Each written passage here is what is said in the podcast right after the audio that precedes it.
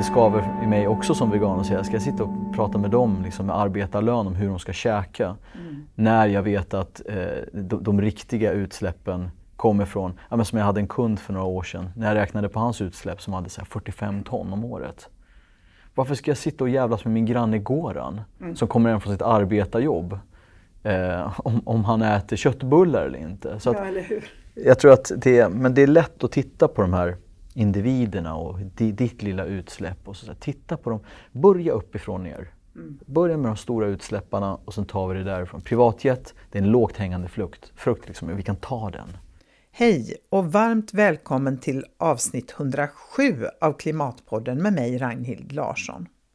Här får du möta forskare, aktivister, författare, journalister, psykologer, lärare, biologer, ingenjörer, kompostbyggare, omställare och alla andra som på en mängd olika sätt engagerar sig för att mildra de allra värsta effekterna av klimatkrisen. Dagens gäst är Gurgin Bakircioglu som helst undviker att använda sitt påtvingade turkiska efternamn. Han har en magisterexamen i journalistik och har jobbat som programledare på Sveriges Radio och gjort TV. För snart tio år sedan slog 30-årskrisen till och han sa upp sig från sin fasta anställning på Sveriges Radio, sålde sin lägenhet och flyttade in i en husbil tillsammans med sin hund Ronja. Allt för att minska sin klimatpåverkan. Efter fyra år på heltid i husbilen och tre år på deltid bor han nu i ett kollektiv i Stockholms Östberga. Gurgen är aktiv på sociala medier, deltar i paneler, poddar, tv och radio för att reflektera över klimaträttvisa för utsatta grupper i Sverige. Sin egen resa, individuell omställning, djurrätt, veganism och minimalism. Han skriver också krönikor för tidningen Syre och driver Hundpodden, vår bästa vän. Jag träffade Gurgin på Bokmässan i Göteborg den 30 september för att prata om klimaträttvisa, individuell omställning kontra systemomställning. Om mötet med ordföranden i Europeiska kommissionen Ursula von der Leyen i EU-parlamentet. Och om varför han tänker ägna sig åt att vara arg och om möjliga vägar framåt. Som du säkert känner till så är Klimatpodden helt fristående och eh, fri från reklam. Så om du vill stötta arbetet med att göra Klimatpodden så går det väldigt bra att sätta in en valfri summa på Klimatpoddens eget Swishkonto 123 396 2974. Och ett stort varmt tack till alla er som valt att stötta Klimatpodden sen sist. Och hör gärna av dig med synpunkter och förslag på gäster till kommande avsnitt. Men nu är det hög tid att köra igång dagens avsnitt med Gurgin. Varsågoda! Välkommen till Klimatpodden Gurgin! Tack så mycket Ragnhild! Jag får inleda med att säga att jag brukar inte vara nervös. Men eh, jag har ju lyssnat så länge så att jag vet ju, jag vet ju nu när jag eh, står näst på tur här på, för rakning vad, som gäller. Men det, eh, det är, jag tror att jag är nervös eh, för att eh, jag vet hur viktig podden är. Och de som lyssnar på den är sådana otroliga aktiva medborgare. Och det är egentligen det vi behöver. Folk som använder sina hjärnor de har fått. Ja. Och gör någonting riktigt med sin vardag. Så när jag vet att det är den lyssnarskaran du har, med det sagt, Eh, det är därför jag är nervös och när jag sagt det, då försvinner det. Så. Ja, vad bra. Ja. Jag är också lite nervös, men det kommer att, kommer att ge är vi sig. Båda så. Okay, ja. jag får inleda med frågan jag brukar då. Vem är du? Eh, jag försöker inte berätta om vem jag är yrkesmässigt det första jag gör. Så jag kan väl börja med att eh, säga vad jag älskar att göra med min tid. Och det är, jag har två hundar, en katt som håller mig vaken om nätterna. Ser jag trött ut så är det katten. Eh, men också det nya tillskottet på nattlöpet och det är en igelkott eh, wow. som, som man inte ska köpa. Mm. Eh, egentligen inga djur alls skulle jag säga men det, det är en rescue igelkott. Man kan inte släppa ut dem. Eh, det är det vi gör med djur helt enkelt. Vi föder upp dem och sen så blir de helt beroende av oss. Men jag, jag, jag tränar crossfit 6-7 dagar i veckan. Det har jag sett har, på Instagram. Ja, jag kastar bort mitt liv på det där. eh, och känner för att visa att det går min, mitt, min ambition är, om jag ens kommer dit, men jag skulle vilja komma på SM-nivå och visa att hörni, ni vet att den här jäveln, han äter inte kött, han äter inte ost. Nej, det finns väldigt mycket föreställningar om att det absolut inte går att vara vegan och, och träna styrketräning och bli stark. Liksom. Ja. Ja, det Så- så det tänker vill du jag- motbevisa. Ja, eh, annars är det väl lite vanlife. Eh, så. Ja. Eh, hur blev du engagerad i klimatfrågorna och klimaträttvisa?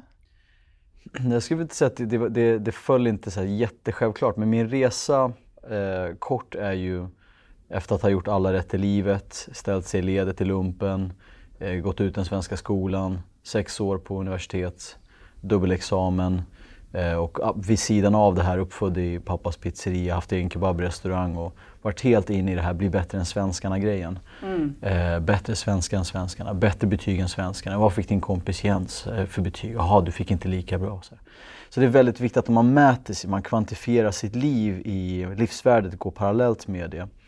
Ehm, jag fick eh, heltidsanställning på Sveriges Radio, satte stor stolthet i att det var VDn själv som gav mig den fasta anställningen. Eh, extra knäckte med att göra barnprogram. Eh, jag skulle säga att eh, mycket kiss och bajshumor. Jag brukade vara en rolig kille. Ehm, jag gjorde underhållning och förortsradio i en kanal som heter Metropol eh, i, S- i Stockholm då, och eh, P3. Men eh, blev dumpad av min tjej och där började jag ifrågasätta livet vid 30. Ehm, nu är jag ju 39 så det har gått ganska länge här nu.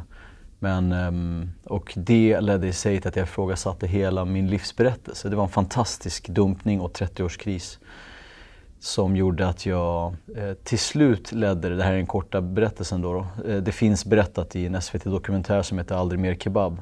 Ja, se den, fantastisk. Ja, det är inte min film men det är kul Nej, att jag se vet. Men... blicken ur eh, regissören Hoger Hiroris blick. Så han är ju vanlig, eh, liksom, eh, också min kurdiska bakgrund som har gjort alla rätt och gör alla rätt nu. Så det är kul att se hans blick i det här. Men eh, jag sa upp mig, för det får man inte göra från ett mediajobb som är så fint som Sveriges Radio. Det gör man inte. Hur, hur ska man annars betala av BRFen? Eh, och så sådär. Jag slutade gå på heminredningsmässor. ehm, slutade sätta min identitet i en snygg bil och såna här värdelösa grejer. Så sålde allt, sa upp mig, köpte en husbil, levde heltid i den i fyra år med min hund Ronja. Och på den vägen eh, så eh, ifrån minimalismen, för jag insåg hur lite grejer jag behövde i livet, så hittade jag veganismen för att jag tittade på prislappen för eh, just så här, hur mycket mitt Svenssonliv kostade och hur mycket tid det kostade att underhålla det här medelklassprojektet. För att jag gick ju från arbetarklass till övre medelklass. Mm. Och det var stort för mig och jag älskade att berätta den historien. Och jag sa det till andra med invandrarbakgrund. Skärp dig, jag har fixat det så du kan fixa Du det kan också lyckas. Ja, meritokrati. Vad, fan är vad, vad är det för fel på dig liksom?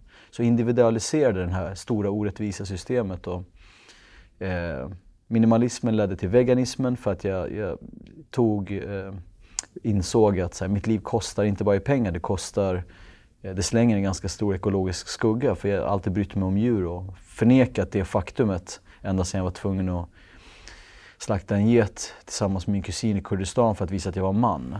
Och så, det väcker många tankar om varför jag måste vara man för att döda ett djur.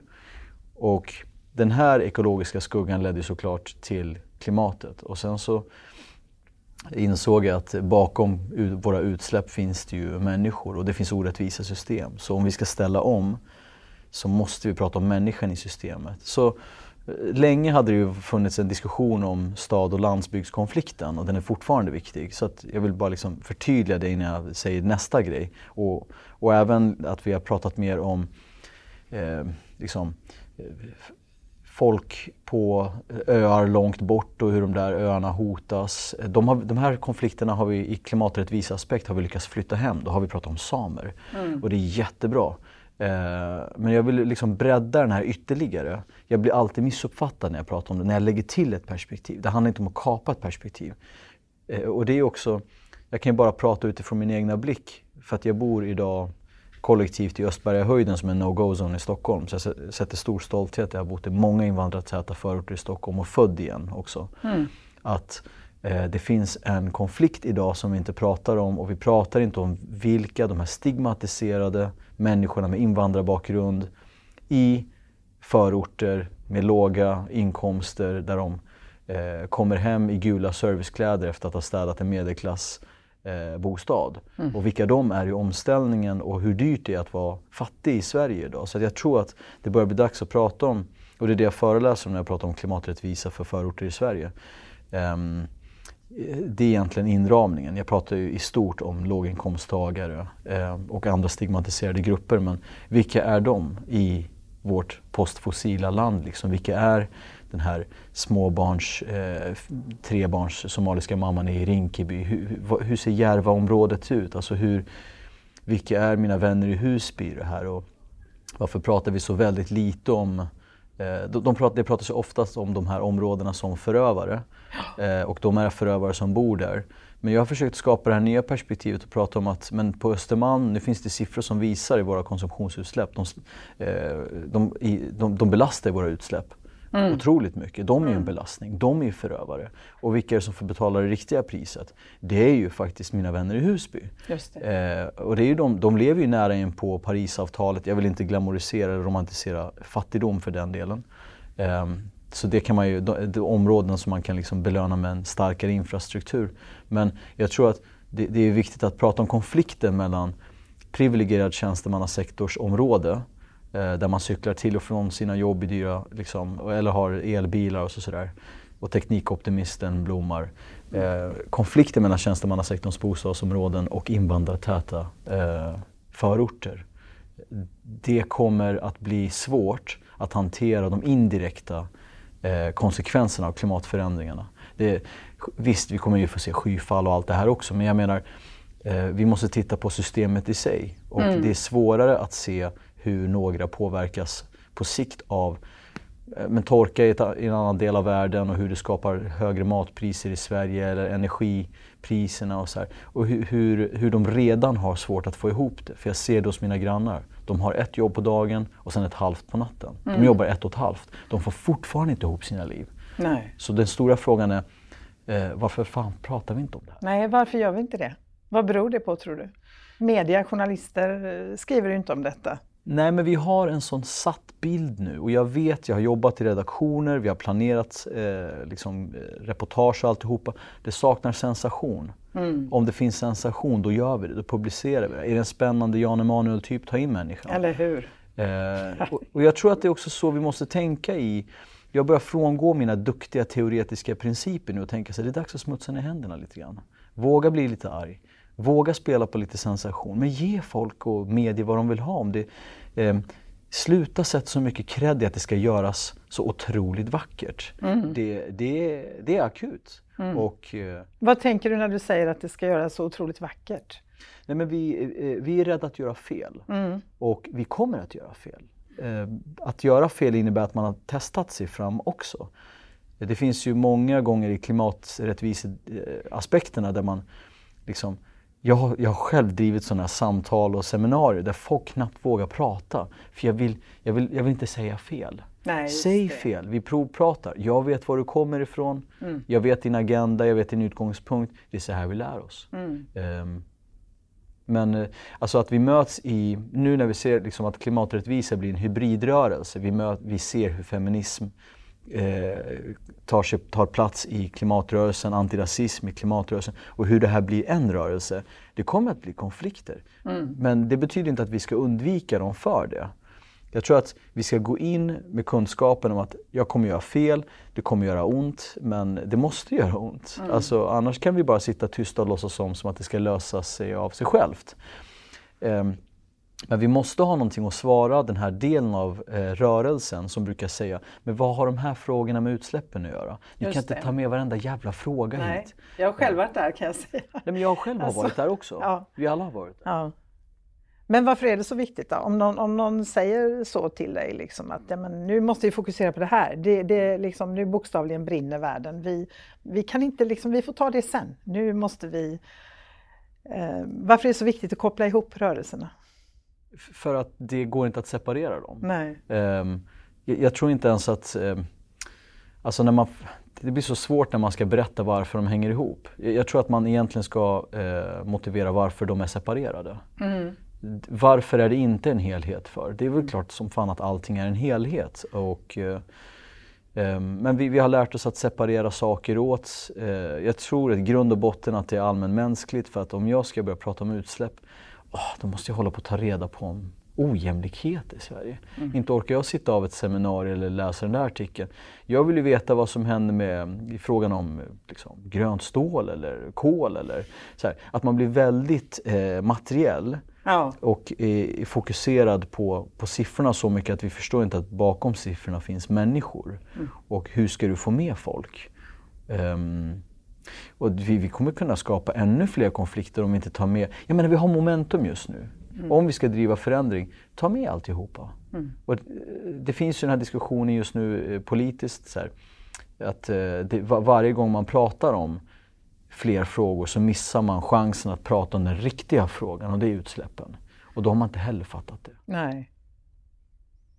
Men jag menar, det väcker ju, som du var inne på här, det väcker ju inte speciellt mycket mediaintresse. Nu hade vi precis Week of Action for Social, mm, social and Climate Justice. Mm. Eh, det skrevs ju väldigt extremt lite om det och framförallt inte om helheten. Det skrevs kanske om enstaka inslag i det men inte liksom om vad, vill, vad, vill, vad är budskapet från Week of Action till exempel? Vad, vad beror det på? Jag menar det gäller ju klimatet i stort skulle jag säga att det är så Alltså journalistiken är väldigt bristfällig. Den är, den är, det är som att Ja, det är därför man plockar in Jan Emanuel i Aktuellt-studion som liksom man känner bara, men vad gör han ens där? Alltså det är obegripligt, han har noll koll. Han står liksom och påstår att ja, men suffragetterna, då gick det lugnt och fint till. Man bara, men du vet ju ingenting. Han hade hindrat suffragetterna också. ja. Så samma de här som hyllar andra kamper är ju... Mm, jag tror att det, återigen, det, det, det, sensationen finns inte där. Men när, men när Greta blir gripen, där har du en konflikt som folk fattar. Och det är därför du får liksom... Eh, eller när vi har Alltså när folk lyfter bort folk från vägarna eh, och de gillar den här, oh, men titta nu, de säger sig eh, liksom värna om arbetaren och knegaren och den vanliga människan. Och nu sitter de här akademiserade liksom, fjällrävenmänniskor fastlimmade på E20.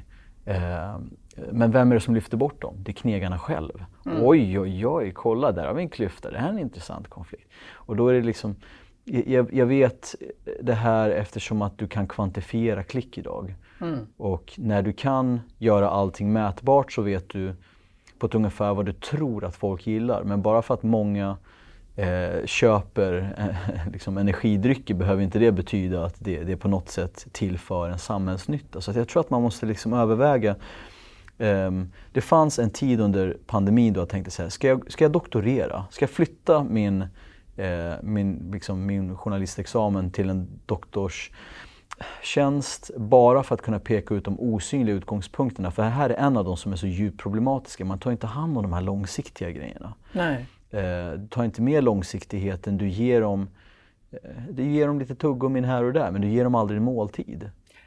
Och det gör att du fortsätter söka det där eh, och i ett scrolllandskap så måste du ta plats med, med snabba budskap. Liksom. Du, du, vill inte göra long reads som är komplexa.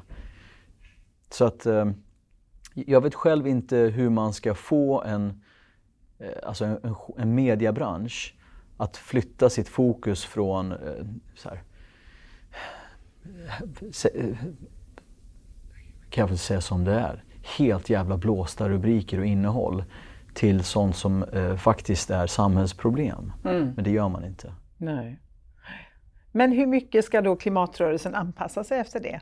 Alltså, jag menar, det blir ju, kan ju bli lätt så här, vi måste göra, liksom, vi måste eskalera, vi måste göra, jag menar, återställ våtmarker har ju haft ett enormt genomslag i media som ingen annan rörelse har haft egentligen. Eh, och jag vet att eh, det finns ju ett eh, Rupert Reed som var med och startade XR i eh, England håller nu på med ett projekt som heter Climate Majority Project som handlar om att få med sig jättemånga. Liksom. Mm. Därför att han inser att en majoritet kommer inte gå ut på några motorvägar det kommer inte att hända. Ja, nu hände det i och för sig i Holland, 20 000 gick ut. Just det. Ja. Eh, men och så hade de ju en, eh, då gick ju XR ut och sa, nu, jag kommer inte ihåg, men det, jag kommer inte ihåg exakt vad rubriken var, men budskapet var, men det var liksom, nu gör vi inte civil olydnad den här gången. Vi kommer att gå i lagliga demonstrationer och det var ju alltså 10, 60 000 tror jag på gatorna i London. Media skrev i stort sett ingenting alltså. Och då är frågan om, ska man liksom då, eller ska man inte bry sig för att man, man kanske, målet kanske är menar jag, att mobilisera människor. Mm. Det kommer många som engagerar sig. Eh, ska man strunta liksom i media? eller, är det, eller är det nödvändigt liksom att få ett stort mediegenomslag för att det ska hända något? Ja, jag tror det. Det kan också vara att eh, vill man ha det så kan jag väl tycka att eh, man kan bygga upp Alltså så här, om det här är vårt stora budskap, hur kan vi göra det enkelt utan att göra det dumt? Men det kommer bli dumt på vägen också. Mm. Um, men där, där, får man liksom riskera kritik från sina egna led eller utifrån. Men det viktigaste är ju egentligen, kommer frågan upp på agendan ja, eller inte? Så att det kommer ju alltid en period då man har, alltså titta vad som händer med Erdogan-dockan. Jag tycker att det är ett ganska bra exempel på hur man eh, lyfter en stor fråga eh, till, eh, jag vill inte diskutera metoden och så sådär, men jag menar att hur, hur man sen kunde skapa en diskussion eh, efter det som var att formas. Eh, så jag, jag, tror väl att det väl egentligen det liksom, men då är frågan så här, hur kan vi då göra som så att vi, vi, vi är agendasättande? För just nu så är vi, vi responderar ju, det är det enda vi gör. Mm, och, och politiskt också, eh, partipolitiskt, det enda man gör är ju responderar känner jag. Mm. Så hur kan man då sätta agendan att säga, hörni men inkomst, bakgrund, språkkunskaper, hälsa, allt det här liksom eh, måste få plats i, i omställningen. Men det blir för stort och det kommer inte få plats i media. Jag funderar lite grann, jag leker med den här tanken, jag bara provpratar nu, men det är att vi eh, förlitar oss väldigt mycket på media när vi egentligen skulle kunna vända oss direkt till makthavare. Mm. Eh, och jobba i slutna rum. Det är jättebra att vi finns på gator, det är jättebra att liksom, eh, liksom vad, vad rebellmammorna gör och vad, liksom alla de här lokala initiativen, omställningsnätverket och sådär och fältbiologerna. Men alltså, vart är de här privata relationerna? För det är det där det börjar, med de som kanske till slut behöver hjälp med en att skriva en riksdagsmotion. Just det. Och, um, det kommer alltid en sån punkt, liksom, utan att nämna tillfällen, så där, där jag och andra i olika frågor har varit med och utformar den mer eller mindre till dem. Alltså långt innan ChatGPT fanns så kände jag att jag var den där fulla praktikanten som ChatGPT är idag. Man får hålla ett öga på den ändå. Liksom. Eh, men ser det här bra ut? Är det rätt fikon, politisk svenska? Nej men då ändrar vi och tweakar det här. Att man, eh, man, man jobbar på det sättet för att nå de här frågorna om eh, ja, men så här, till exempel postkodsödet och hur det spelar roll i omställningen. Att så här, vi har ju människor som föds i vissa områden och de har kortare livslängd. Ja. Så vilka är de konkreta förslagen i motioner? Eh, hur kan vi jobba med kommunalråden här? Alltså också att så här, nu är klimatrörelsen högljudd. Eh, och det är bra liksom. Men te testa att vara lågmäld eh, i, i, liksom, i förhandlingsrum. Alltså om man får plats hela vägen in mm. och hitta gemensamma beröringspunkter. Alltså, det här är ju återigen provprat nu då.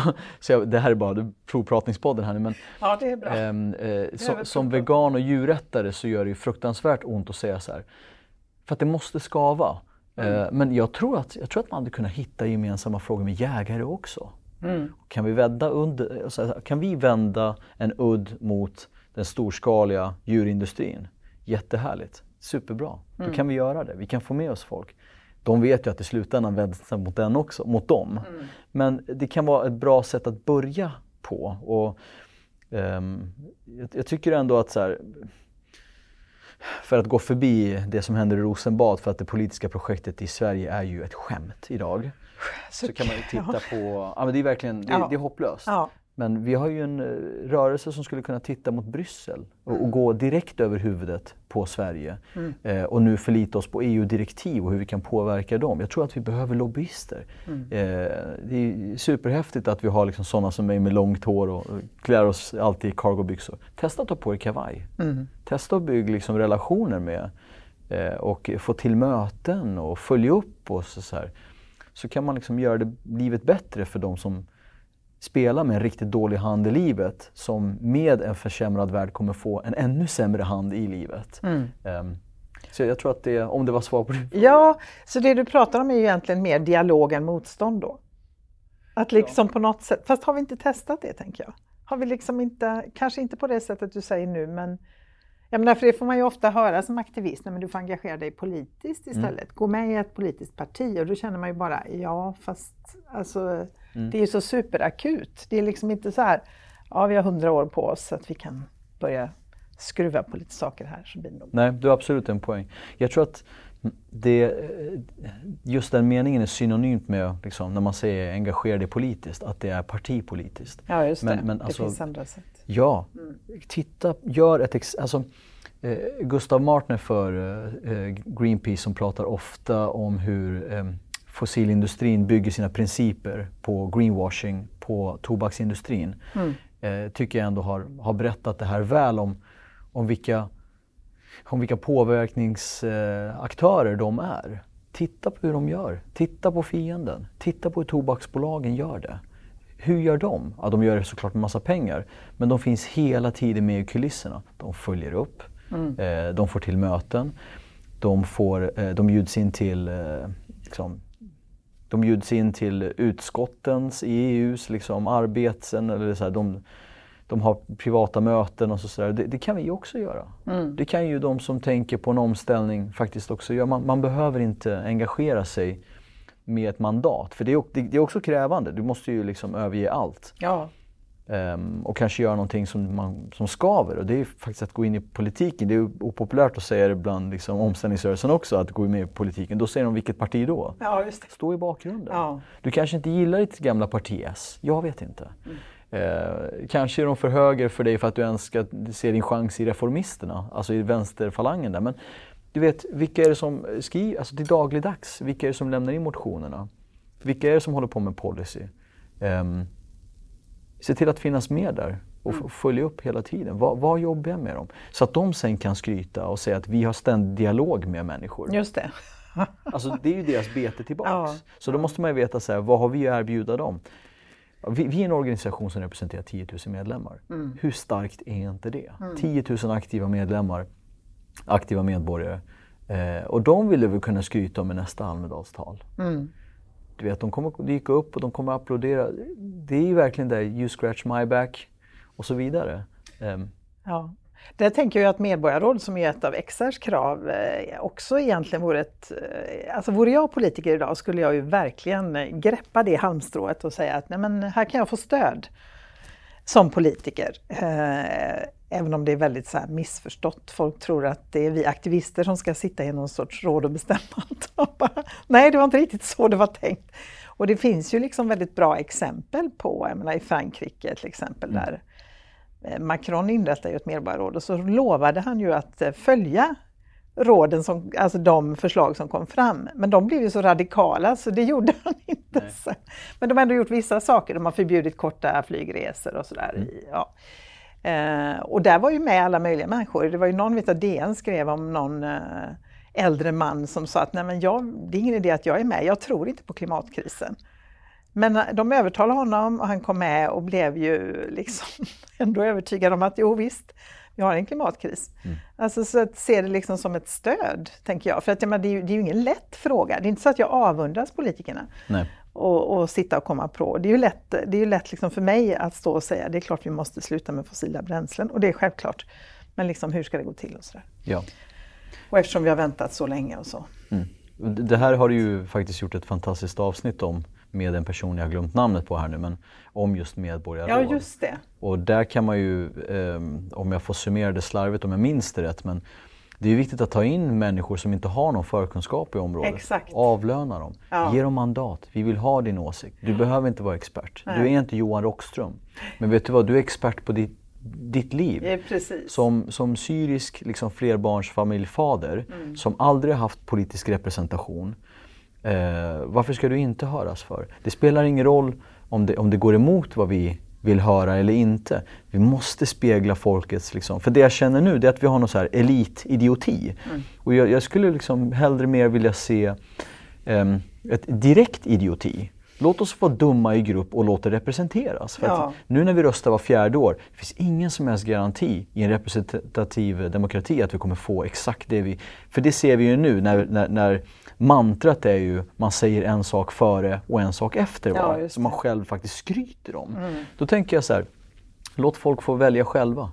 Mm. Eh, men jag tror att förnuftet är det som kommer att rädda oss till slut också om, om vi får, får med oss eh, det som är så luddigt som kallas vanligt folk. För att det, det är återigen, det handlar om att vara expert på, på sin postadress, mm. eh, på, sin, eh, på sina egna frågor och så, sådär. Men då måste vi också ha politiker som vågar lyssna på dem. Som, som är så här, nu när jag tar in ett medborgarråd och jag har värderingar eh, så måste jag veta att det här kommer skava utav helvete. Ja. Och det kanske är exakt det som behövs för att hela omställningen innebär att du kommer att få gå emot partilinjer eller att du kommer att... Men det, det, här är ju det som är långsiktig politik och någon gång tänker jag, om vi ska se på politiker som människor, vilket alla är.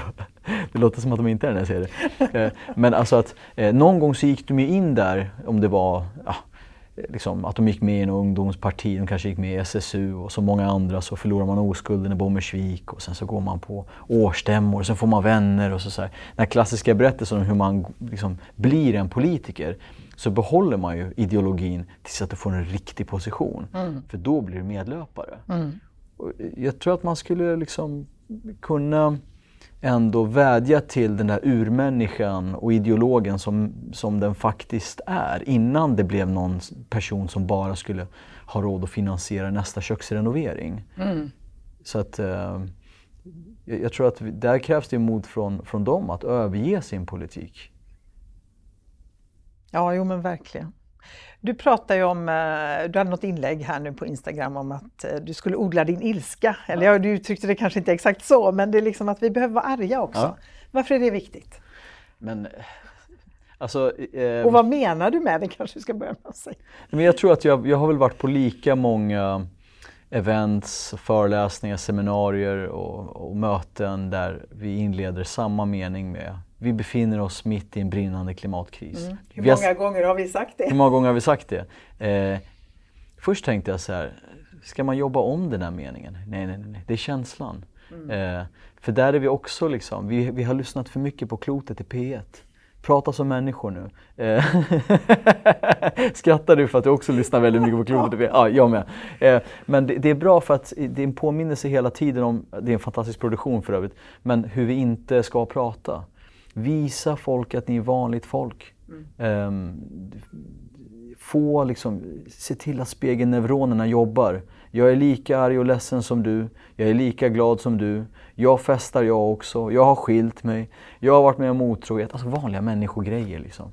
För att nu så tror de att det är, ja men här sitter de på någon sån moral high ground, de här medelklassungarna, vita medelklassbarn mm. som har växt upp med Ingmar Bergman och kultur. Kul att du har växt upp på kollo, men du vet vad?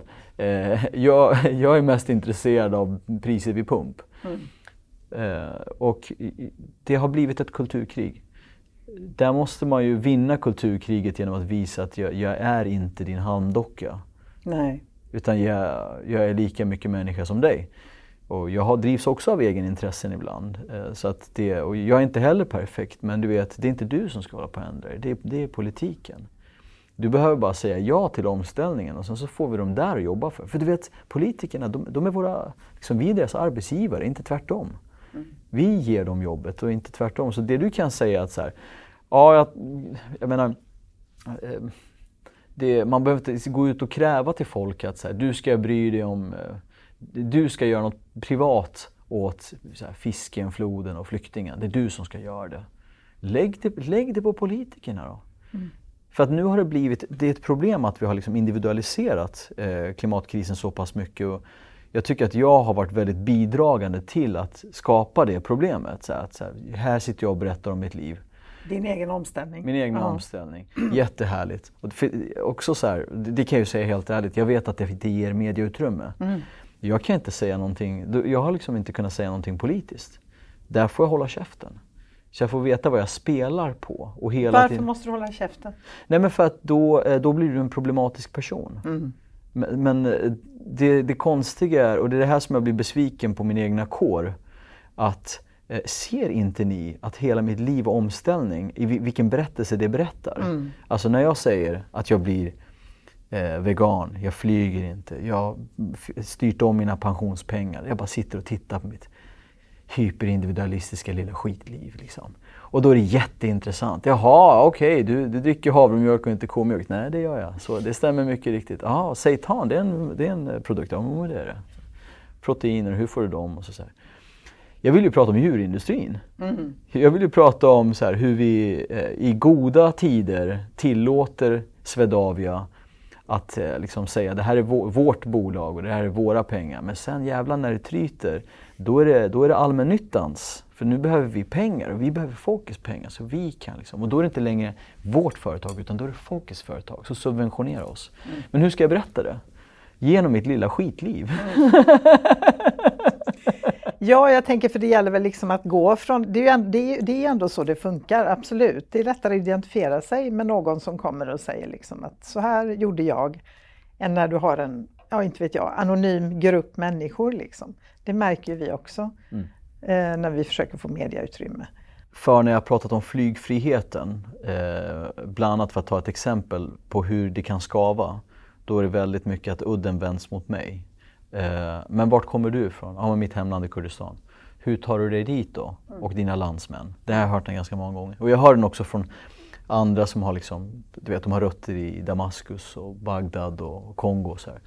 Jättefint, häftigt. Du pratar med folk som inte ska flyga till Alicante på, på en weekend. Men vi som har ett eget hemland då?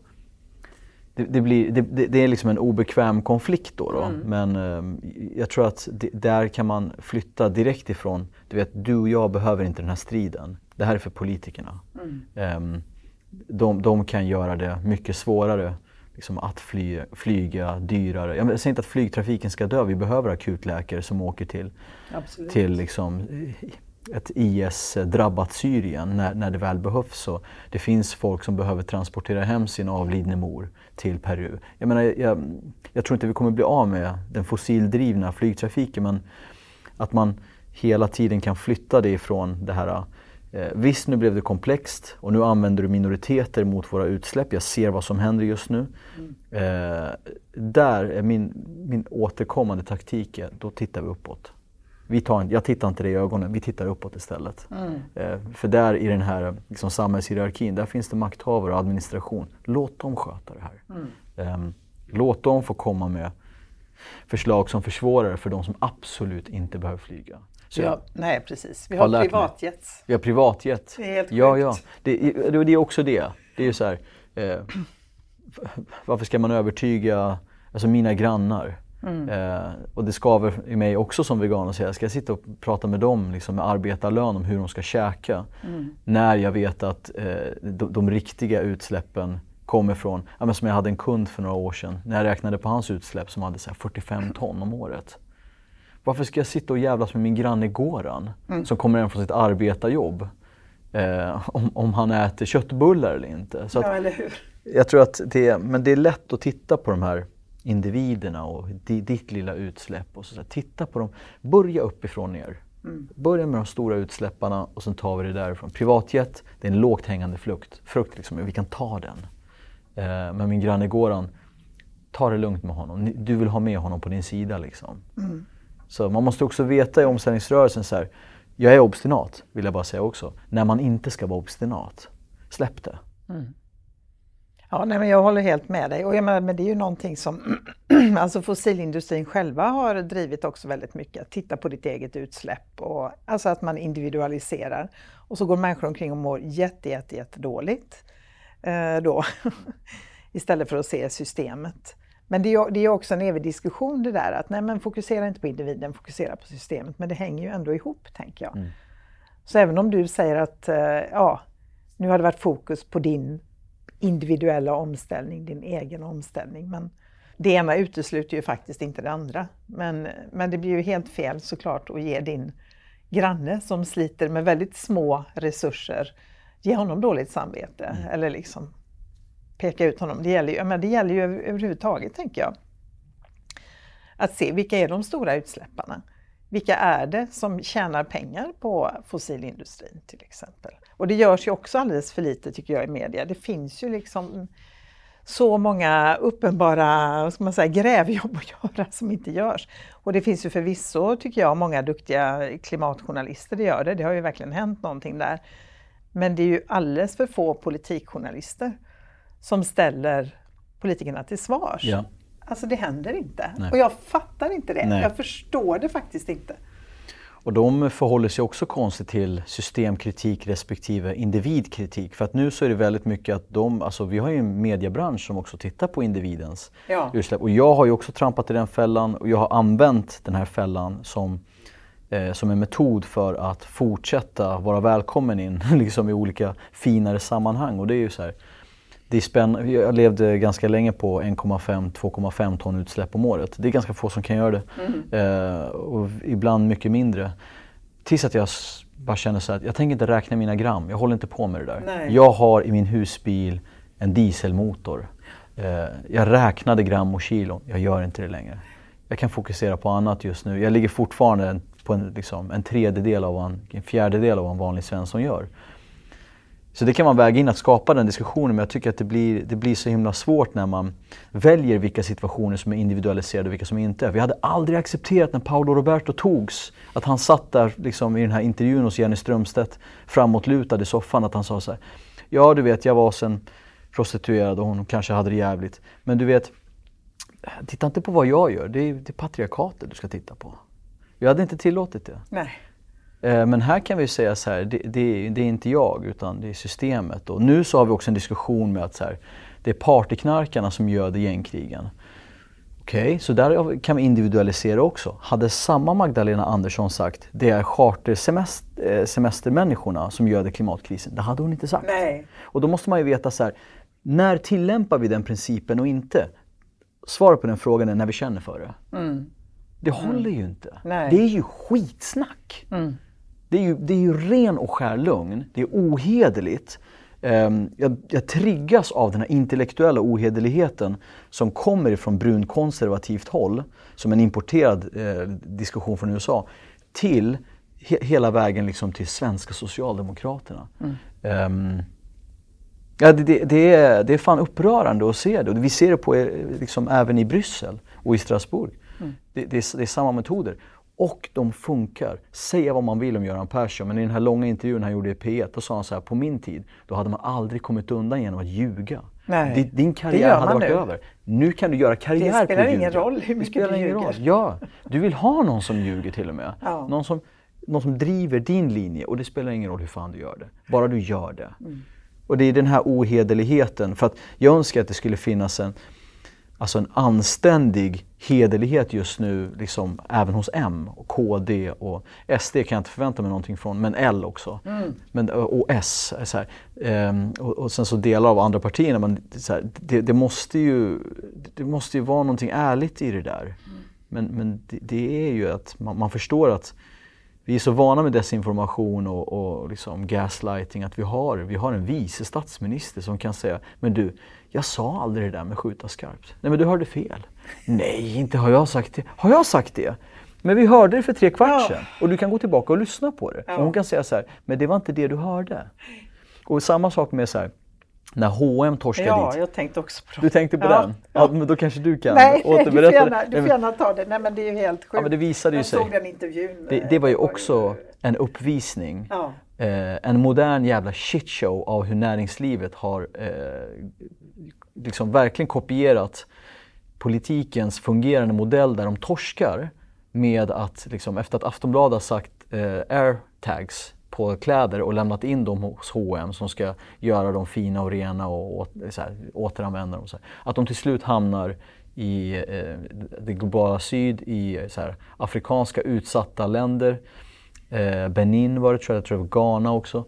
Eh, på, på, och skapar en enorm miljöförstörelse, klädberg och sen så eh, bara sabbar hela områdena. Områdena definieras av hm kläder bland Ja, annat. helt sjukt.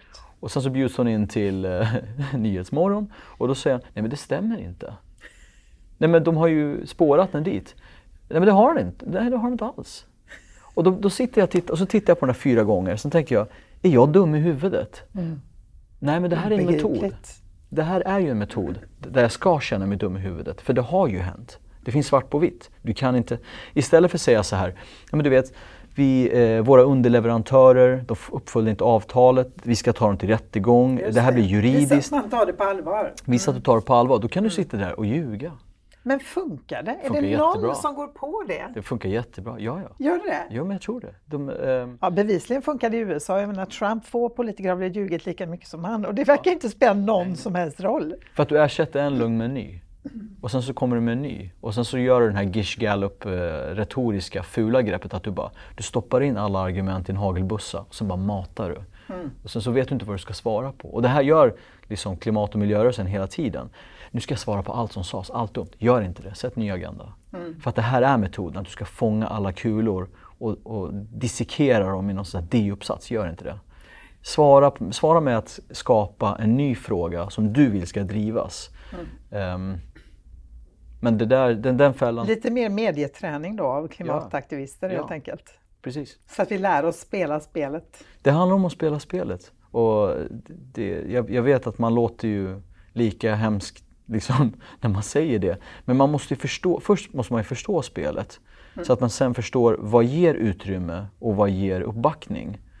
Ehm, men det, man får inte låta sig triggas. Alltså när, när Ebba Busch liksom går ut och säger att eh, jo, men, eh, coronaspridningen i Rinkeby beror på att så här, svensk-somalier, det, det, det är liksom svensk-somalisk kul- eh, somalisk kultur är anledningen där. För att de, de är liksom, ja men du vet, de, inte, de kan inte svenska, de läser inte information och de kramas och pussas när de hälsar och sådär.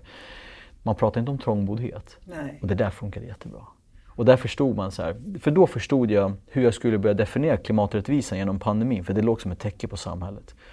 Och då bara, okej men, men här såg man hur, hur den här liksom, eh, det här viruset skapade en ny dimension i en gammal konflikt.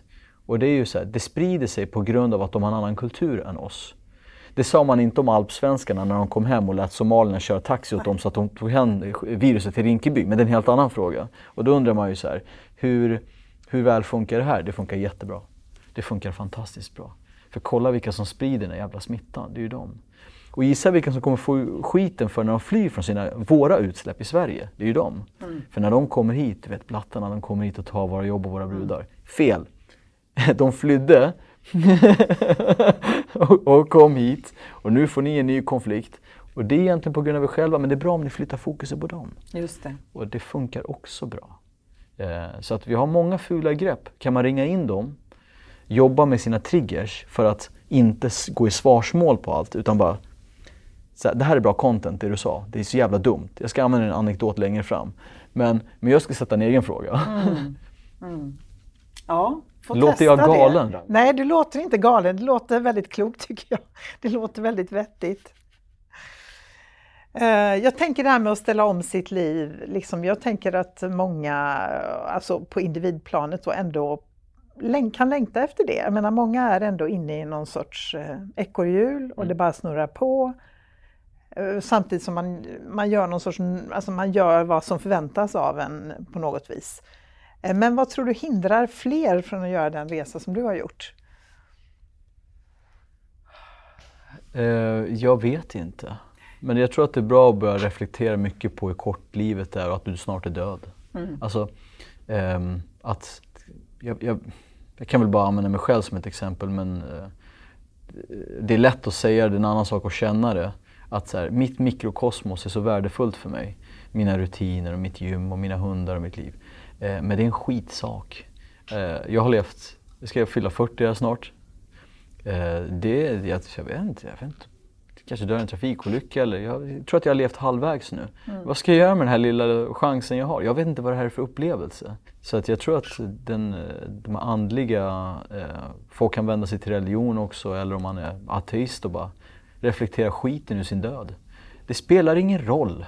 Du, om du slår ihop ditt liv så är du ett sandkorn på alla liksom, stränder i hela världen och det finns eh, galaxer som är lika stor som en sandkorn och så vidare så blir det bara värre och värre. Och när man zoomar ut det där, det är så här, men sätt lite spår då.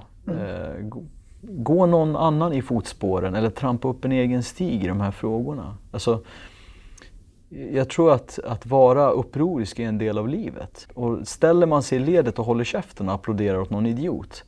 Jag tror att i slutet av livet, jag vet inte, så här, det finns ju många undersökningar som visar vad vi ångrar på så här, dödsbädden. Men jag tror inte att någon, många känner så här, Jag är så glad att jag gjorde som alla andra sa. när jag kände andra grejer. att man inte följde sin inre röst liksom. Men, men vad, vad, tror du krävs för att fler, vi, det känns ju som att vi, om man nu ska generalisera, så känns det ändå som att vi i Sverige är väldigt Alltså vi är väldigt um, lama. Alltså vi är inte så bra på att göra uppror känns det som. Vi, vi är väldigt så här, knyter handen i fickan och, och, ibland undrar man var går människors gräns? För liksom, nu har jag fått nog.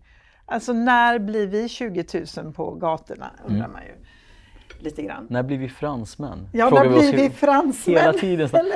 Vi har länge pratat om, när vi har tittat, politiskt har vi tittat mot Danmark för hårdare straff. Mm. Sen tittade vi en snabbis mot Finland när de pratade om så kortare arbetsveckor. Nu tittas det väldigt mycket Eh, även från högerkanten när de är missnöjda. Varför gör vi inte som fransmännen för? Tippa skit utanför kommunen. Liksom. Mm. Eh, jag vet inte, men det känns som att eh, svensken är så marinerad. Jag vill inte använda ordet eh, fredsskadad.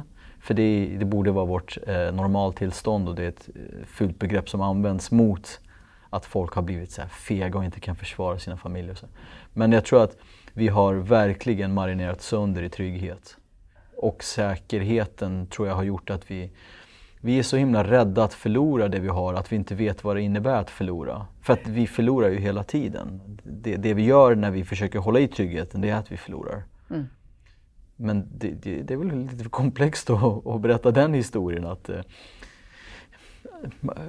Man måste uppoffra grejer. Mm. Och uppoffrar man grejer så vinner man nya grejer. Och när man går ut och tar ställning för liksom, en, ett postfossilt samhälle, du kommer torska vänner. Men vet du vad? Du har massa andra idioter där du kan lära känna. Så de där gamla idioterna, skit i dem. Du har nya idioter där framför. Alltså jag menar, vad man än väljer i livet så hittar man ju alltid nya gemenskaper. Mm. Och jag tror att eh, en stor sjukdom är ju eh, den hyperindividualistiska inställningen till livet som vi har där vi känner att jag, det är jag och min integritet, det är jag och min... Det är väldigt mycket, det här är ju så kodifierat snack för att jag måste ha en egen lägenhet som är alldeles för dyr att betala av så att jag kan ditten och datten och ditten. Men någon gång i livet så får jag chansen att se ett fattigt område eller land och gud, de var så glada och de bjöd på så mycket. Jag har hört den här historien så många gånger. Så här. Och de var så himla, så att livet var så himla lätt och fast de inte hade någonting. Det är för att de har grupp. Mm. De har en meningsfull uppgift, de har en meningsfull vardag. Mm. Um, och jag tror att någonting händer när det finns konstant färskvatten i kranen. Det rinner hela tiden och varje gång du trycker på knappen då kommer det ljus. Um, men vi, det, det, är ju inte det som gör oss lyckliga. Det som gör oss lyckliga är att man känner sig att jag har, en, jag har ett sammanhang um, där, vi, där vi arbetar för någonting gemensamt som är viktigt. Liksom. Det kan vara allt ifrån att snickra ett staket till att vi samlar namnunderskrifter för att det är någonting som är fel. Liksom. Så att, det kan vara familj, det kan vara kompis. Jag bygger en kompisfamilj eftersom jag inte har, väljer bort biologiska barn. Men det, jag tror att där kan man eh, verkligen finna styrka i varandra. Så att, vi behöver andra människor, vi behöver inte mm. egna lägenheter. Nej. Nej, och vi kommer ju att bli mer beroende av varandra, tänker jag. Mm. Alltså det, och då, ja, då är det viktigt att ha bra vänner. Faktiskt. Så är det. Ja. MSB när de går ut och pratar om så här. Det är alltid intressant att se de här eh, MÖP-männen, eh, men också hur, hur, människor har byggt upp en hel eh, survival kit-rörelse när man glömmer bort att det viktigaste innan du börjar fylla upp med konservburkar det är att du har gemenskap. Mm. Det är att du lär känna grannen. Nej, det framstår ju alltid som en väldigt ensam person mm. den här preppen. Mm, ja, visst, visst. Som uh, skyddar sig själv, ja, sitt. Ja. För då tänker man så här, när systemet har fallit, då bygger du upp ett eget system. Men systemet bygger egentligen på att du måste tillhöra ett viktigare system. Mm. Och det är att, eh, alltså jag tror inte att ett land som Sverige Ehm, den här administrationen hade gått helhjärtat in för dig och mig om systemet hade fallit. Alltså om det är så att vår, vår färskvatten slutar funka. Därför så måste jag förlita mig på att eh, du har någonting du kan hjälpa mig med, om det är kompetens. Och jag kan hjälpa dig med någonting som kan vara en resurs. Och det här är ju det som kallas att vara människa. Så att när vi, när vi separerades från, från bymänniskan som vi var och blev storstadsmänniska och, och normen blev att åka Voi och liksom beställa hem Ubermat ifrån någon som har kommit hit från andra sidan världen för skitlön. Så känner man att så här, den här separerande processen, gud vad jag låter som en reggae-låt nu. Men den här separerande processen är ju eh, den, den, liksom, den perfekta shitshowen för hur vi ska förlita oss på att jag, jag ska jobba, sova, leva, äta, dö eh, mm. i det här systemet. För att det är det som håller mig vid liv. Och visst kan man hålla sig i liv och andas på det, men jag menar bara, vad är det, för, vad är, är det ett liv? Mm. Eller är det att, liksom, vad är ett liv och vad är att leva? Ja, jag, jag, tycker att klimatkrisen gör ju att man ställer sig själv de där frågorna. Man blir liksom uppmärksam på vad som är viktigt i livet och mm. vad som absolut inte är viktigt. Verkligen. Och där behöver vi den, alltså den, en sann kraft i samhället som, som man kan, om man nu finns i en rörelse här och letar efter styrelsemedlemmar, leta i eh, vilken förort som helst kolonilott där ni hittar, ni kan gå ut på vilken som helst för alla ser ut som FNs generalförsamling. Och de pratar olika språk. Jag var eh, en kompis eh, farsa, hans kolonilott i Husby. Och han bara, eh, det var så kul att se att de kan inte ens prata samma språk. För att han pratar tigrinja och den här tanten pratar turkiska. Men när de ska mötas i hur man odlar gurka, det som på svenska kallas Västerås gurka, ja, som, okay. vi, som vi säger khiar till. Eh, och han har ju lärt sig det kurdiska ordet för gurka. Jag bara, vad fan är det här för jävla smältdegel? Det är framtiden. Mm. Det är exakt det det är. Liksom. Biologisk mångfald, mänsklig mångfald. Och den urkraften finns om vi vill ha liksom, kunskap från globala syd och utvecklingsländer. Och folk som vet vad som händer när systemet har lämnat det helt och hållet. Kolla med experterna i överlevnadsfrågor. För det är inte de här som håller föreläsningar på ABF. Det är, det är afghanska killar som har kommit hit själva, korsat nästan halva världen för att komma hit. Hur fan mm. gjorde ni det? Mm. Va, hur, hur, hade ni det i Kabul och er by? Liksom? Hur, att, att vara en person från någon by utanför Mogadishu i ett land som är mer eller mindre anarki.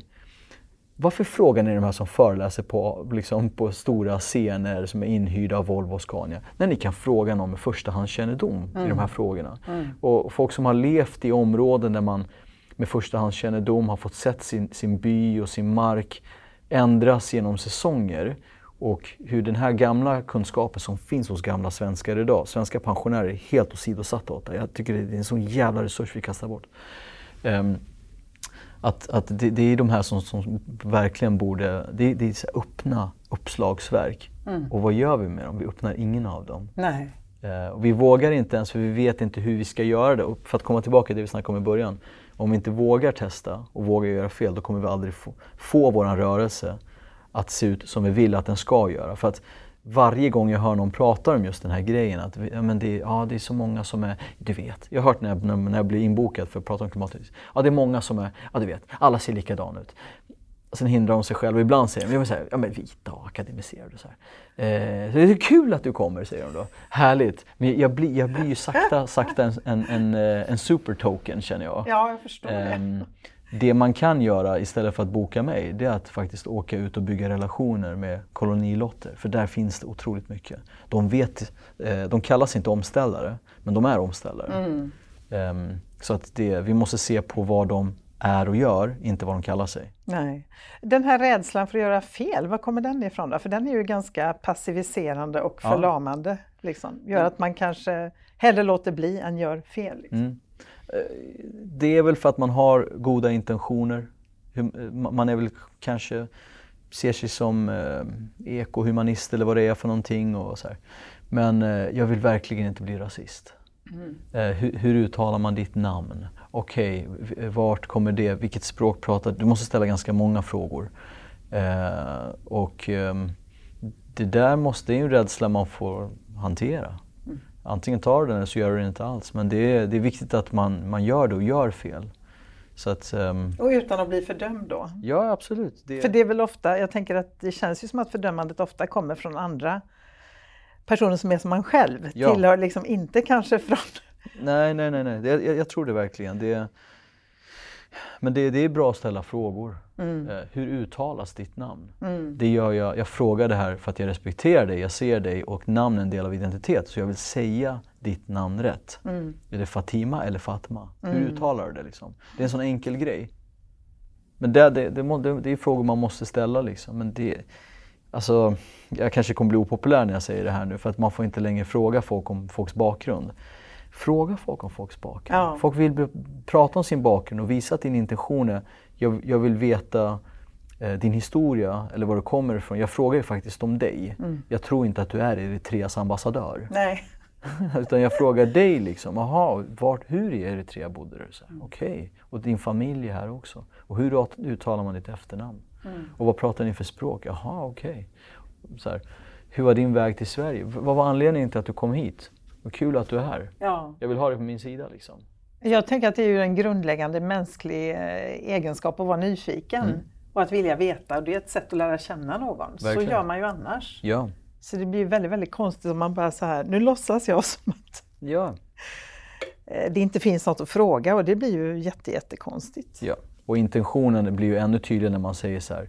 Eh, du vet, vi har länge försökt rekrytera folk med annan bakgrund. Mm. Men det handlar inte om att ni ska komma dit som pappdockor. Vi, vi, vi, vill, vi behöver er som ledare. Man måste vara tydlig med att säga det. Alltså jag, min intention med att jag är här idag är för att jag vill se, kan vi fylla våra, våra styrelsepost, våra styrelsegrejer här nu? Det innebär att ni får åka på konferenser, ni får en viktig röst i samhället. Vi kanske har arvoden i det här. Um, Okej, okay, men du har erfarenheter från hur det var. Alltså min, eh, en vän, pa, hans pappa överlevde Balkankriget genom att fly um, Srebrenica-folkmordet. Hitta en liten plats där han kunde odla sina egna grejer och levde på det. Tills att folkmordet och stora delar av kriget var över. Då kunde han komma till Sverige. Mm. Varför är inte han ordförande i någon stor organisation där man pratar om de här stora överlevnadsfrågorna. Och jag är säker på att han har saker att säga också. Mm. Den livserfarenheten är viktig, men vi tittar mycket på akademisk bakgrund och tilltal. Hur är språket? Och om det skiljer sig åt, då blir man lite rädd och känner vi tar ett säkert kort. Vi tar Gunilla istället. Mm. Eh, men man måste chansa liksom. Mm. Jag tror det. Ja. Du var ju nyss i EU-parlamentet och mm. träffade Ursula von der Leyen, heter hon va? Ja. Eh, berätta, vad hände? Varför var du där och träffade henne?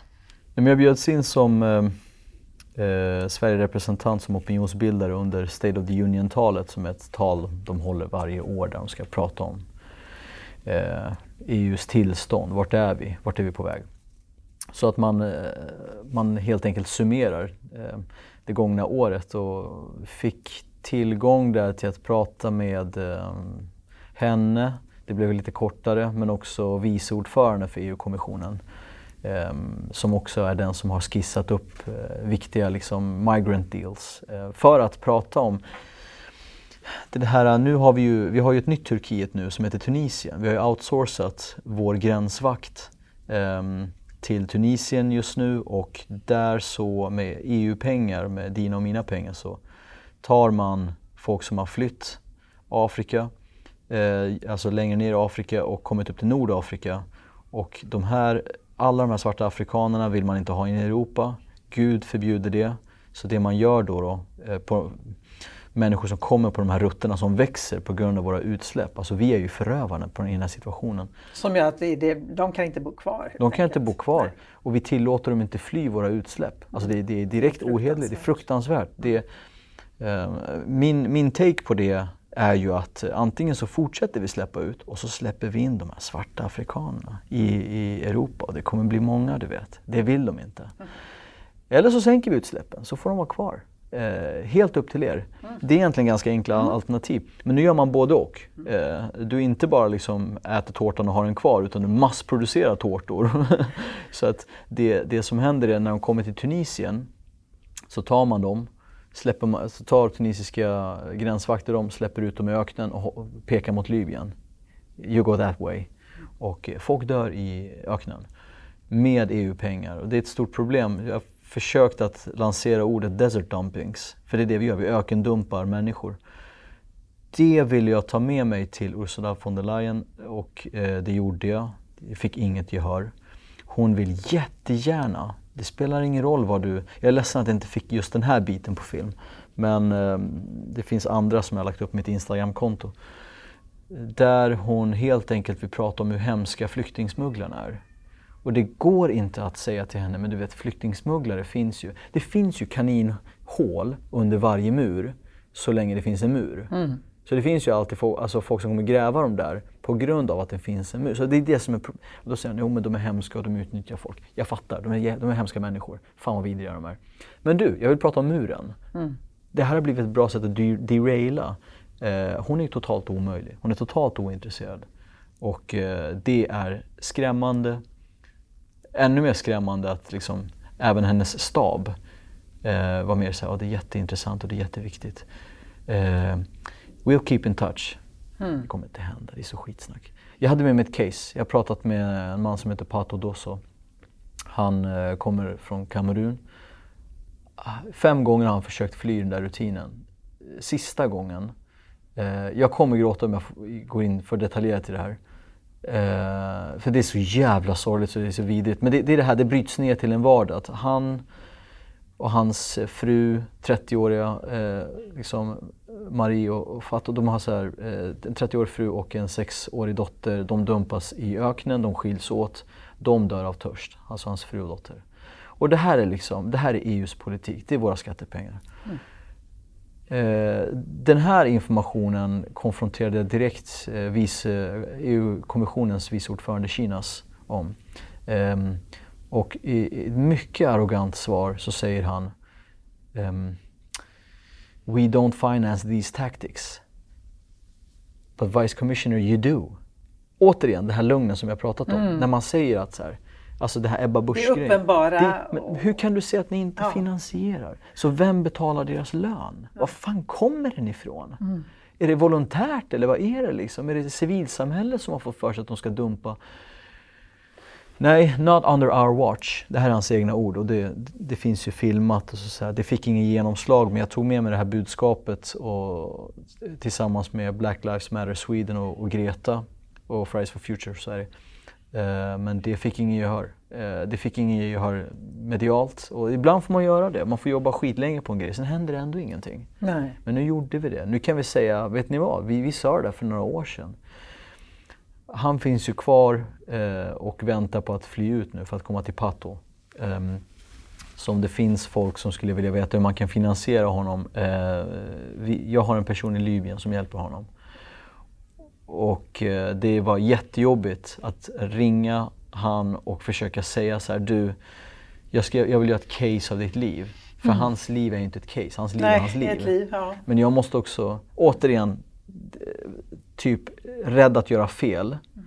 Eh, så jag ville helst inte göra det alls. Men jag måste göra det, måste skava liksom. Eh, men eh, han, han var tacksam för det men han, han behöver pengar. Mm. Och han, han behöver liksom och jag sa till honom att det finns en risk att den här berättelsen, för att bilden på, han hans, eller på hans fru och hans dotter som, som ligger döda i öknen har ju blivit viral i andra delar av världen, inte Sverige. Det är inte intressant här. Um, hans... Eh, jag var rädd att säga det men eh, frågade han, känner du till Alan Kurdi? Ja, det här barnet som flög upp liksom. Han var min landsman, liten kille. Han flydde, flydde ett krig men flöt upp på en lyxig strand i, Um, det finns en risk att eh, om vi fortsätter här så kommer din, din, din gud vad jobbigt det är att säga det, din dotter och din eh, fru eh, kommer att kunna bli ett sånt case. För att det här är en ny flyktingrutin, en, en ny skam för Europa. Då sa han. Eh, det är helt okej okay för mig. Mm. Och, och då bara, hur har du råd att tänka makro? Mm. Varför kan du inte bara säga, hörru du din dumma jävla journalist från Sverige, du kan dra åt helvete. Vet du hur många som har ringt mig och tiggt om min berättelse och gottat sig? Kanske några har lovat att hjälpa honom och så här. Och sen försvinner de. Mm. Och jag är rädd att jag gör samma sak. Så att om vi kan följa upp eh, så kan vi med hans tillåtelse berätta hans historia som tillhör en större. Och det är nämligen våra utsläpp och för att koppla det till en förövare, för att folk ska fatta det, för att mm. vi ska få sensation i media. Östermalms utsläpp mm. är medlemmar, eh, stora bidragare, stora belastare av vårt klimat för att Pato fick fly. Mm. Eh, och många andra kommer att fly och det är därför vi fyller på den här rutinen. Det är för att du vill ha en nya, ny platt-tv. Det är för att eh, vi har en regering som subventionerar ditt onödiga behov av, av nya Dolby Surround-system. En, liksom billigare bostadsrätter och billigare drivmedel och att de ska liksom smöra för dig och din jävla lyxstil i, i globala nord. Mm. Det är därför de flyr. Det är väldigt simpelt. Så vem är förövaren i det här? Det är ju faktiskt den rika personen i Sverige. Ja. Där har vi det. det eh, där har vi den sensationskonflikten vi skulle behöva berätta. Hur vi gör det, det är det jag letar efter hela tiden. Mm. För vi behöver. Nu ställer vi människor mot människor. Two can play that game. För nu ställer man ju liksom majoritetssamhället mot den annorlunda. Många av dem ser ut som mig, mellanösternmän. Eh, kolla på de här kommer våldtäktsmän och bidragstagare. Vi måste vända på den här historien. Mm. Vet ni vilka som är de stora jävla förövarna? Mm. Som, som inte, alltså, liksom, visst, du har sett dem sparkas under en busskur, de här hemska blattungdomarna. Men vet du vem som grillar den här jorden? Mm. Ja, det är ju oändligt sorgligt.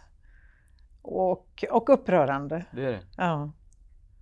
Men hur, liksom, det gäller ju att, då gäller det att vara den där nageln i ögat eller att få det här, eh, lyfta fram det här obekväma då som ja, väl kommer att göra att väldigt många tycker att det är jätte, jättejobbigt då. Alltså som tillhör den här mm. Eh, rikaste delen av, av befolkningen. Ja. Vad bra om de blir arga. Ja. Då har vi en reaktion. Det, det värsta är ju att ingenting om händer. Om det inte händer något, nej. Men låt dem bli arga. Men hur sjutton vänder man på den här, eh, det här narrativet som det så populärt heter? Nej, men liksom att det, det, för det är ju så starkt idag.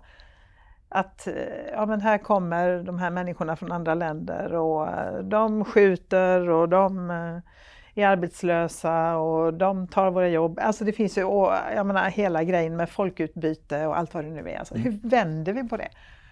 Hur liksom får vi fram den här storyn som du berättar nu? Liksom? Om vi ändå ska berätta vilka förövare så kan vi ändå berätta vilka som är storförövare. Mm. Om vi nu ska fokusera på förövarperspektiv. Ja, en person som kommer hit till Sverige kan vara förövare. Mm. Och vi har hört de historierna. Det är obekväma nyheter för oss eh, för att de, eh, de, de spelar på antirasism och de under, eller på rasism och mm. de underblåses på grund av att du vill få ut alla andra de här människorna som har kommit hit också. Mm. Eh, så att det, det, det, blir ju ett case, eh, det, det, bästa de kan tänka sig är ju under Alltså att det är någon afghan som har, för att det ska liksom ticka alla boxar, en afghansk kille som har begått ett sexbrott. Det händer. Det är klart att det händer, alltså det, det händer i alla delar av världen men när det händer så kan man blåsa upp den historien otroligt mycket. Eller sådana här enkla grejer som att säga, kolla, nu när de kommer hit, du vet att de får gratis körkort. Du tar en grej de förstår, körkort, mm. men någon de har, de har lite förakt mot, afghaner. Och jag tror att vi kan också berätta det här förövarperspektivet. Um, om det är rätt eller inte, det, det är väl ohederligt. Men jag tror att det kan, det kan vara bra att uh, vara tydliga med sina motiv. Att, så här, ni är ju jätteintresserade av vilka, vilka, som, uh, vilka som förstör. Mm. Då kan vi, då, då kan, kan vi, vi berätta det. Absolut, mm. vi, vi, kan ju fortsätta berätta det. V vad är anledningen till eh, att pollinatörerna dör ut? Vad är anledningen till att vi har torka i vissa länder? Att, jag menar nu så, det är stora delar av Irak som du kan liksom inte ens trampa på marken så torr är den. Så att, eh, vad, vad kommer det här ifrån liksom? Eller översätta den till svensk kontext för att nu förstår man ju bara när, när typ en, en väg flyter iväg eller vad det är för någonting. Eller när det, så att eh, Eh, nej, men också alltså, påminna folk om att vara arga. Det är jättebra att du är arg på folk som sitter och blockerar vägarna. Men vet du vad? Vet du vad du ska vara riktigt arg på? Alltså de här som har suttit och blockerat vägen i 20 minuter, det är bra att du är arg på dem. Kommer du ihåg när den här stormen blockerade en väg i flera dagar? Fan, det borde du vara skitarg på! Då fortsätter vi, vi fortsätter spela på ilskan. Mm. Det, jag tror också det är viktigt att, um, att, att skapa ilska utan att skapa hat. Just jag tror att det är två olika saker. Eh, det finns ingen anledning att, att hata folk med privatjet. Det finns alla anledningar att vara förbannad på det. Men det finns... Eh, alltså, det här är ju bara känsloreglering. Så här, hur empatisk ska man vara mot en stor förövare? Mm. En stor dos. Hur arg ska du vara? Du ska vara jävligt arg. Mm. Så empat, empati och ilska Ja, ja, kanske lite glad pessimism, jag vet inte. Ja. Hur känner du när du tänker på framtiden? Så där? Känner du, alltså går du omkring och är väldigt så här orolig eller känner du att, eh, ja vad har du för känslor? Eh, jag har låg framtidstro. Mm. Så att man kan väl säga att jag är ärketypen av den som har, har köpt eh, hela The Walking Dead efter att ha sett den och tänkt sig fan det är helt kört. Um, men eh, jag, jag, jag, jag väl, eh, det pendlar väl. Mm. Jag tror att hade jag inte tränat hade jag gått under. Mm. Hade jag inte mediterat hade jag gått under. Så det är ett sätt att hålla, hålla det där högt. Liksom. Så jag tror att det, det är väl också en del utav att se de här frågorna som maraton och inte som något som är lite trevligt för stunden just nu så att man sen bränner ut sig. Så att, vill man ha hållbarheten i det så är det ju Alltså det är ju jättemycket självreflektion det också. Och, nej men jag är väl lika glad och eh, hoppfull och hopplös och, och eh, framtidsglad och framtidsdystopisk som alla andra. Det är ju en jävla cirkus. Vi sitter bredvid Liseberg här. Ja. Det är som att sitta på den där berg och dalbanan och försöka dricka en kopp te känner jag. Ja. Bra bild. Ja, det är väldigt många känslor. Ja. Alltså det är så extremt många känslor ja. som ibland är svåra att liksom identifiera. Det är sorg, det är ilska, det är rädsla. Ja. Mm. Tack och lov finns det häftiga människor, du är en av dem. Ja, tack detsamma. Man bygger upp en uh, gemenskapskänsla och mm. det är det mest hoppfulla att se så här. Fan, är du också lika mm. rädd, arg som mig? Mm. Det gör mig glad att vara rädd, arg med dig. Ja. tack så jättemycket. Tusen tack Ugin för att eh, jag fick sitta här och prata med dig en stund och för att du var gäst i Klimatpodden. Tack för att jag fick vara med.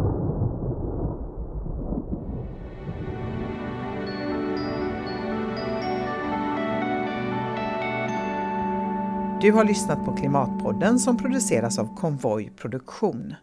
Gäst i dagens avsnitt var Gurgin. Du hittar mer information om Klimatpodden och dagens avsnitt på hemsidan klimatpodden.se. Klimatpodden finns på alla ställen där poddar finns. Och om du vill stötta arbetet med att göra podden så är du välkommen att swisha valfri summa till Klimatpoddens eget swishkonto 123 396 2974.